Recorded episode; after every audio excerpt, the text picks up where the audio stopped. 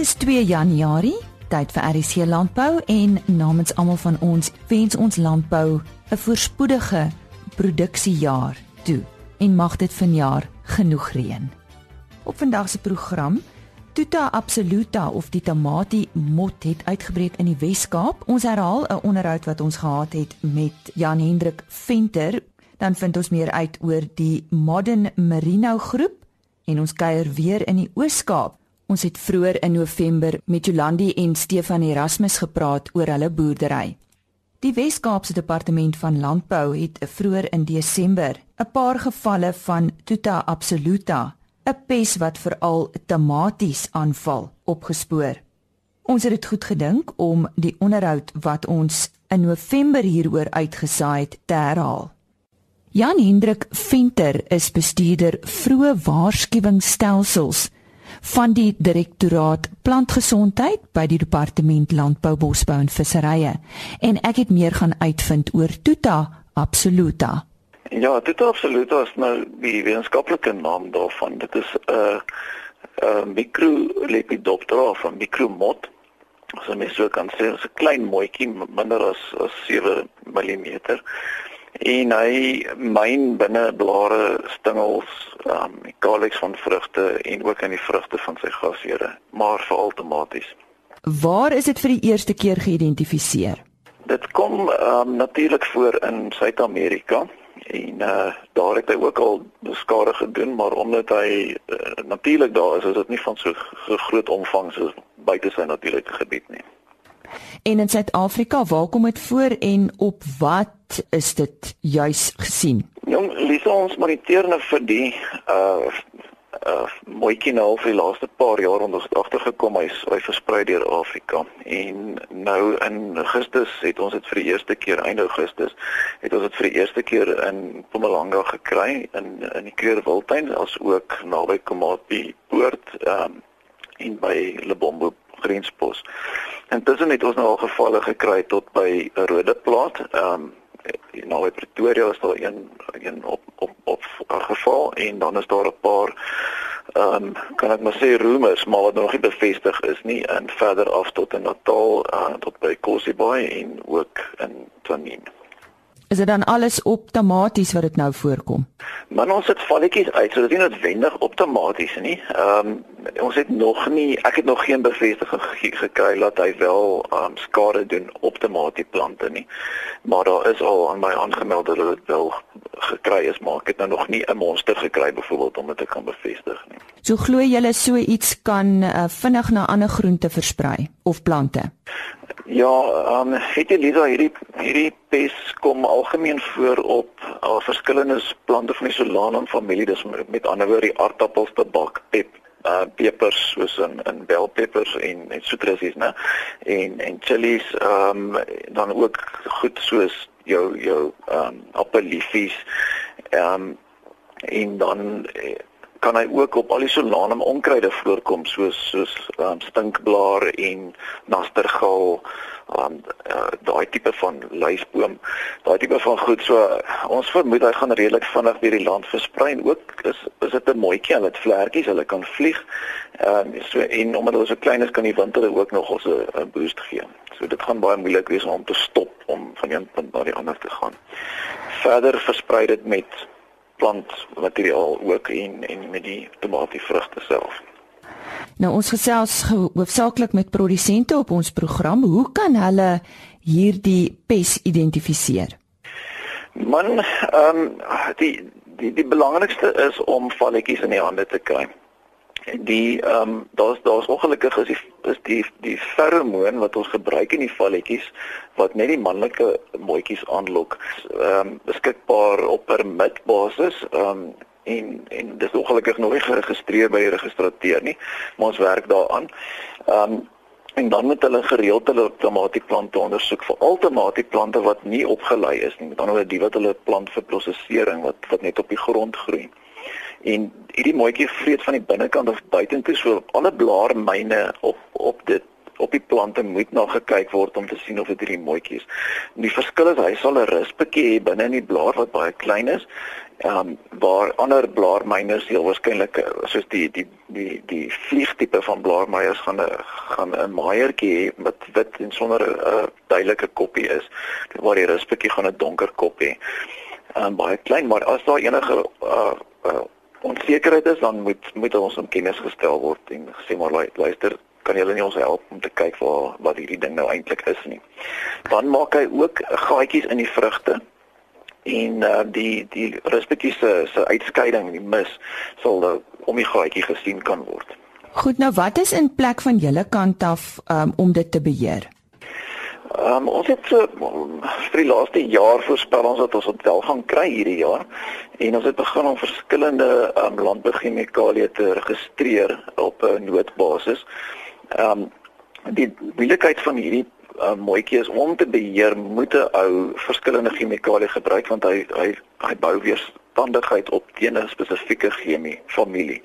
So jou ehm um, as jy byvoorbeeld 'n uh, organofosfaat het dan dan moet jy hom vervang met met 'n uh, 'n uh, uh, diamin of 'n uh, pyrethroïed binne die volgende maand. So jy gaan omtrent 5 na 6 verskillende groepe van chemikalieë moet roteer op 'n gereelde basis. Nou ons het al reeds um oxodiacinus, pyrethroïde, diamines, spinosines um, en en um wat ons met BT uh produkte biologies is 'n beheer um uh pestisied het ons al reeds geregistreer. Wat staan 'n produsent te doen wat dit nou teekom? Wat verkies julle dat hulle wel moet doen? Well, as die ouens dit sien met hulle en is in 'n nuwe area wat ons nog nie reeds aangemeld het of wat hulle nie weet of dit nuut is of of vir hulle nuut is, moet ons asseblief in kennis stel sodat ons kan kan uh, tred hou van hoe versprei hierdie ding en wat is die skade wat hy veroorsaak. Ons vermoed op, op in ons kommersiële sektor gaan ons dit redelik goed kan beheer, maar ons is baie benoud vir ons vir ons klein boere en ehm um, wat 'n groot deel van die van die tomatieprodusente uitmaak dat hulle nie die finansiële behoeftes of of of ehm um, finansiëel sterk genoeg gaan wees om met, met chemies te kan beheer nie. En en ons moet met daai ouens kan genoeg voorligting gee sodat dat as hulle dit kry ons die regte behandeling in plek kan sit en en waar ook al ons kan kan help. En dan moet ons natuurlik kyk na die na die ehm um, die saailinge dat dit ons skoon saailinge soveel as moontlik vir ons boere kan gee. Die bestuurder vroeë waarskuwingsstelsels van die direktoraat plantgesondheid by die departement landbou Jan Hendrik Venter. Nou ja, dis 'n maandag en 'n gewoonlik ons veilingdag. So ons begin met nuus oor eh, 'n uh, veiling wat op 10 Februarie aangebied word deur die Modern Merino groep. Dis hulle eerste produksieveiling En ek gesels hieroor met Gert Jordaan van BKB. Hy's streekbestuurder in die sentrale streek en dit is die Oos-Kaap, Suid-Vrystaat en 'n deel van die Noord-Kaap. Ons vind eers uit wie is die Modern Merino groep. Lise, ja, goeiemôre en goeiemôre ook aan die RSG luisteraars. Die Modern Merino uh, groep bestaan uit 11 jong boere uit die Hannover, Koelsberg en Philipstown distrik. Hulle het so 45000 oeye tussen mekaar. En ehm um, die doel van hierdie van die stigting van die groep was aanvanklik om um boere se oeye 'n jong oeye in groepverband met mekaar um te vergelyk ten opsigte van wolproduksie en vleisproduksie en ook dan jy weet vrugbaarheid. So wat net miskien as 'n bietjie kan uitpak wat wat die jong ooi projek aanbetref, um lammers kom in op so 4-5 maande tussen die gewigte van so 30 kg. Hulle word almal saam op een plaas in die Hannover distrik aangehou. Dit op meer grond in dese plaas. Sodra die jong lammers inkom word hulle afgeskeer en ehm um, 8 maande later, dit is dit aan die einde van die eerste eerste proses, is daar 'n meetproses en hulle word dan ehm um, geskeer, geweeg en ook geskandeer want hulle is ook in hierdie in hierdie tydperk is hulle ook by die by die ram gesit. En al hierdie inligting saam met 'n wolmonster wat geneem is se inligting en met hierdie resultaat kan die boere ehm um, mekaar vergelyk, hoe hulle teenoor mekaar presteer het in die groep. En dit is nogal baie handige inligting wat wat daar uitkom. Die hoofdoelwit van 'n gesamentlike produksieveiling, verduidelik vir ons wat dit is. Lise, dit is ehm um, dit is maar 'n gekoördineerde bemarkings ehm um, poging wat hier op eendag bymekaar uitbring. Gee ook vir die beter groter blootstelling vir beide retief geelbek merinos en dan vir die Modern Marine groep. Jy weet as ons gaan kyk na reklame, dit gee gee ook vir ons 'n groter rykwyte um, wat reklame aanbetref. Hmm. Hoe gaan die veiling aangebied word? Elise, daar's 'n totaal van so 10000 stormlammers op die veiling. Ehm um, en 800 oeye, dit word onder die vaandel van die Modern Merino groep aangebied. Ehm um, en dan is daar 'n 100 ramme wat deur uh, Retief Quebec Marinos um, aangebied word. Quebec Marinos bied ook 'n um, paar Angora ramme en ooi op die veiling aan. En gou om terug te kom daar tot die stoorlammers, al 10000 stoorlammers gaan op die veiling staan nie. Ehm um, as gevolg van vervoer wat 'n groot faktor is. So wat ons gaan doen nou gaan 'n verteenwoordigende lotte van so tussen 20 en 30 lammers op die veiling wees. Ehm um, wat dan vir die boer of die koop potensiële koper net 'n idee gee van hoe spesifiek lyk die ehm um, die diere. En wat is die doel van die BKB stoorlam profiel? Lisa, ons is baie opgewonde as BKB oor hierdie stoorlam profiel. Ehm um, dit is eh, die stoorlam profiel is 'n is basies 'n inligtingstuk wat volledige inligting het oor die agtergrond ehm um, van 'n boer se stoorlammers. Ehm um, dit raak aspekte aan wat ehm um, baie relevant is vir die voerkrale en dit raak aspekte aan soos die groei vermoë en dan die aanpassingsvermoë van die diere binne in die voerkraal self. Hmm. So wat die voordeel van die wat dit vir die boer inhou, dit dien as 'n raamwerk waarvolgens hy of sy stoorlammers vir die voerkraal um, moet voorberei en dan natuurlik vir die voerkraal is dit ehm um, is dit 'n bron van inligting waarop 'n ehm um, ingeligte um, aankoopbesluit geneem kan word. Miskien moet jy net vir ons vir luisteraars verduidelik vir die wat nie weet nie, wat is 'n stoorlam? 'n Stoorlam is 'n uh, dis 'n lam wat um, op die ouderdom gewoonlik van so tussen 3 en 4 maande ehm um, gespeen word van van die ma af en dan aan 'n voerkraal bemark word vir afronding. Na watter profiel eienskappe word daar gekyk ehm um, uh, in hierdie BKB stoorlam profiel? Ehm um, die die profiel ehm um, soos ek soos ek reeds gesê die profiel is, is is daar om vir die um, om vir die voerkraal as 'n bron van inligting um, te dien wanneer 'n aankoopbesluit geneem word.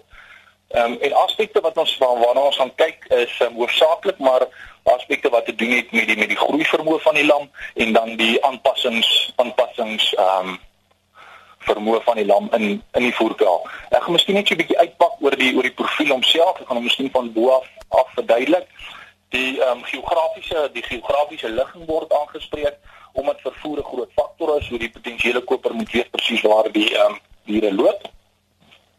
Dan verder aspekte wat ons wat ons aanraak is die veidingstipe. Dit is relevant oor die inligting ehm um, wat nodig is of hulle nou op die verringlande geloop het of op Bosveld of so voort dat die potensiële koper daarom weet presies ehm um, waar hulle vandaan kom. Ras speel 'n groot rol. Ehm um, ouderdom is die dier gespeen, was hy nie gespeen nie. Ehm um, het hy kruitvoer ontvang of het hy geen kruitvoer ontvang nie? Dis 'n baie belangrike aspek wat die wat die voerkrale oorweeg maar die pryse uitsit vir. Ehm uh, want die dier wat reeds 'n bietjie voer kruitvoer gekry het, ehm um, pas baie beter in 'n voerkraal aan. Veral dit maak daai 14 dae aanpassingsperiode vir hom baie korter in die voerkraal. Ehm um, dan gaan kyk ons na nou of hy wolletjie op het en of hy nie wol op het nie. Verder gaan kyk ons na gesondheidsprogram. Wat is die ehm um, wat was 'n doseringsprogram en inentingsprogram wat moet die wat moet die lam behandel is en ons trek ons 'n bietjie verder terug om ook te kyk na die ehm um, na die ooi ehm um, wat in die dragtigheidsperiode waarmee sy behandel is. Dan baie belangrik ehm um, so is die genetiese agtergrond van van die ehm um, van die kudde waar uit hulle kom. Uh, dit gee maar net vir ons 'n aanduiding van watter waarde of of die boer spesifiek ehm um, klem lê op op teeling want as ons as ons sny hy lê klem op, op teeling binne in sy program weet dan dan lewer hy 'n beter beter stoorlam. Ehm um, daar word gekyk na die ramme of hy ramme inkoop watter tipe ramme hy gebruik.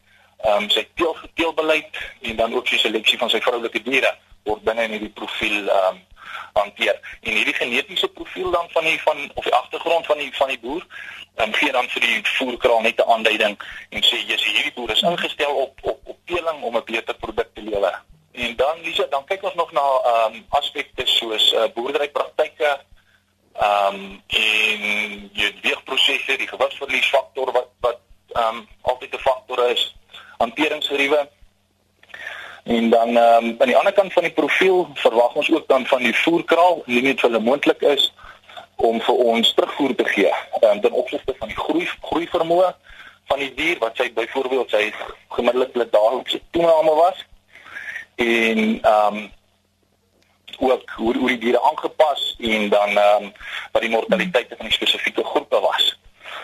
Ehm um, en dan met hierdie inligting gaan ons dan terug na die na die groep toe en sê vir hulle oor die dis hoe julle lammers in die in die ehm um, omgewing investeer het.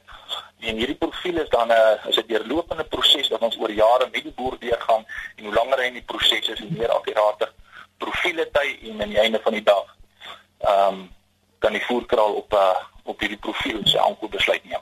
Hoe word hierdie inligting dan deurgegee wanneer byvoorbeeld? Lise so twee weke voor die tyd vir die veiling, vir die spesifieke veiling sal die voerkrale um, in katalogus vorm hierdie profiel van elke boer kry. Met ander woorde, ehm um, boer X het byvoorbeeld 700 lammers wat op die veiling gaan aanbied en hmm. dan ehm um, sal ons ook die profiel in katalogus vorm aanheg. Hmm. Wat is die uh, retiefs van die Geelback Elite groep se siening hieroor, Gert? Uh, Lise, dit is ehm um, wel dit is baie opgewonde oor hierdie proses. Dis hoekom hulle ook hulle hand uitgesteek het na die Modern Merino groep om ehm um, saam met hulle veiling te hou, want hulle is ook hulle is ook deel van hierdie Modern Merino groep. Ehm um, ek meen die, die Geelback, die retief Geelback ehm um, Marinos is ook ook al lank in die bedryf ten opsigte van teeling van Geelback Marinos. Ehm um, as ons net miskien so 'n bietjie kan stil staan daar by hulle, hulle het in ehm um, hulle teel al die dekades soos ek gesê het met geelbekke. En in 1996 het um, Johannes en sy neef ook Johannes Retief die rooikraal produksie veiling begin eerste keer. En so na 10 jaar um, by die rooikraal produksie veiling het Johannes, dit is nou Willem en Kleintjie se se pa besluit um, om by die welbekende Geelbek Elite groep se produksieveiling aan te sluit en uh, waar kleintjie en Willem natuurlik vir 18 produksieveilings betrokke was en na 9 jaar se betrokkeheid by die dinamiese groep het ehm um, 'n lang het hulle besluit om 'n uh, jarelange droom te verwesenlik en kleintjie en Willem het besluit om die Retief Geelbek Merino produksieveiling ehm um, vir die eerste keer op hulle eie aan te bied in 2015 op die Gordonsfontein um, plaas in die Hannover distrik. En dit is dan Gert Jordan van BKB wat daar gesels het oor die Modern Merino groep se eerste produksieveiling wat plaasvind op die 10de Februarie op die plaas Gordonsfontein in die Hannover distrik. En nou ons beloofde gesprek wat ons 'n medewerker in die Oos-Kaap Karen Venter gehad het met 'n jong boer en sy vrou wat naby Middelburg in die Kaap woon. Ons is vandag hier so op Beskuitfontein. Dit is omtrent so 25 km buitekant Middelburg Kaap. En ons kuier hier by 'n baie jong egpaartjie. Ehm um, dit is Stefan en Jolandi Erasmus. Hulle pa is ook Pieter Erasmus wat een van die direkteure van by OVK is. En dit is so lekker om 'n bietjie met jong mense te gesels wat boer. Ehm um, ek dink jy is omtrent 32. Albei van ons. Albei is 32 jaar oud. Jolandi is besig om 'n PhD te doen in plantkunde en dan het ons nou hier die man in die huis wat so 'n bietjie vir ons wil vertel van hoe moeilik dit eintlik is vir 'n jong mens om in te kom in boerdery en die boekkennis te hê, maar dan kom die jong manne en hulle het nie die praktiese kennis nie en hy sê dit is waar hulle hulle baie keer nogal vasloop. So, ehm um, Stefan? Na na universiteit het ek plaas toe gekom en deur wat ek geleer het op die plaas, het ek besef die kennis wat mens opgedoen het voor jy plaas toe kom is baie relevant. Maak nie saak wat se kennis dit is nie. Ehm um, as jy 'n weekom geswat het, gaan jy versekersbasis kry daarvoor op die plaas. As jy 'n geneeswese geswat het, dieselfde. Maar die dag as jy op die plaas kom en enigste rede hoekom ek dit kan sê is omdat ek daar ervaring self opgedoen het, weet jy baie min van boerdery. Of jy op die plaas groot geword het of nie, dit help, maar nie so baie soos mense sou dink nie. Die belangrikste ding wat die meeste help op 'n plaas is ervaring. En ervaring kry mens net op een manier en dis maar om foute te maak. Maar as jy daai foute moet maak terwyl jy al die risiko dra en al die finansiële besluite moet neem, dan is dit baie moeilik om 'n sukses te maak, want jy gaan baie foute maak wat jou baie geld gaan kos. As jy in 'n posisie is waar jy kan boer sonder dat die risiko ehm um, joune is, soos 'n bestuurder of vir jou pa soos ek gelukkig genoeg was om te doen, dan sit stel dit jou in 'n posisie waar wanneer jy begin boer, jy mees van daai groot foute of klaar geleer het of kon vermy het. En kan jy nou vinnig vir my sê een van jou groot foute miskien wat jy nou al gemaak het? Want jy sê jy het maar jy het uit jou foute uitgeleer. Kom ons gaan ek gaan nou nie 'n groot fout sê nie. Ek gaan net die een wat my baie maar daar's genoeg van hulle, maar uh, een van die stupid foute en daar's nie aanhou daar's nie Afrikaanse woord vir stupid nie. Is ons moes 'n ek moes 'n dompelpompie uit 'n uit 'n boorgat haal wat uh so 2 2.500 hektaar van water voorsien uh, die waterkwaliteit is nie so goed nie, so elke nou en dan moet die pompie skoon gemaak word.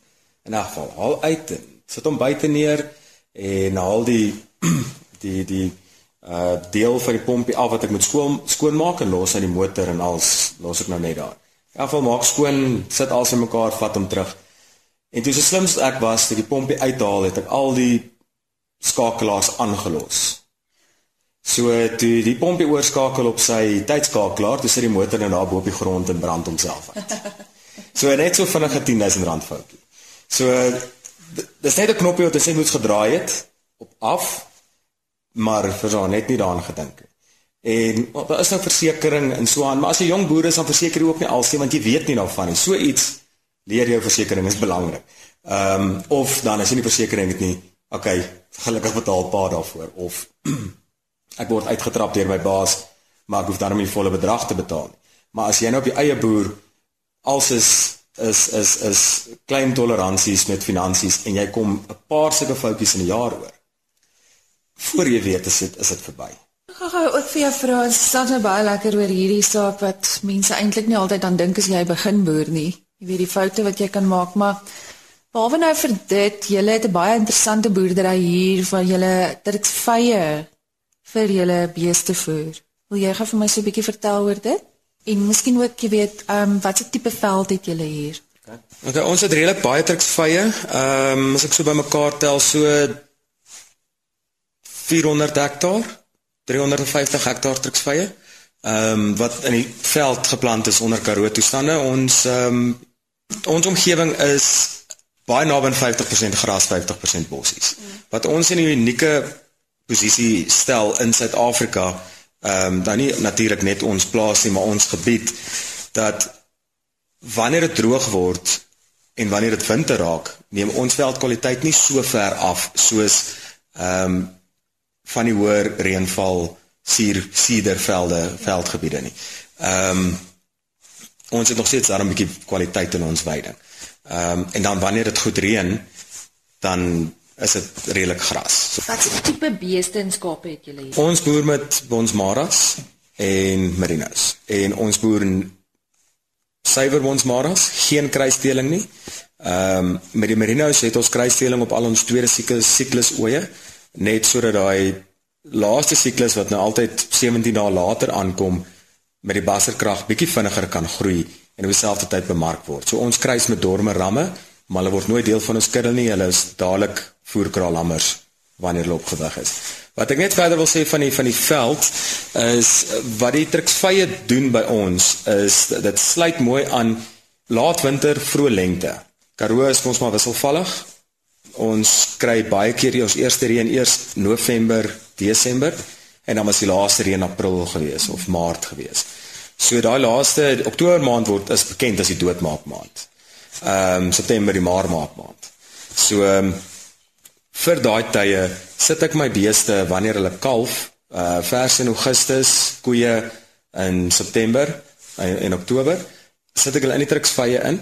Hulle kan 'n redelike klein kamp, kan 'n groot trop loop vir baie lank en hulle kry net die swakste kwaliteit rifoer saam met die truksvye net om bietjie daai 80% water uh wat die truksvy is, daarom net 'n bietjie te bind en hulle bly in 'n kondisiepunt van 3 of 4 Ehm um, deur daai swaar swaar tye, sodra daai kamp opgevreet het, dan rus daai truksvy kamp vir die volgende 3 jaar. Jy gebruik hom nog met skape vir korter tyd, kort tydperke.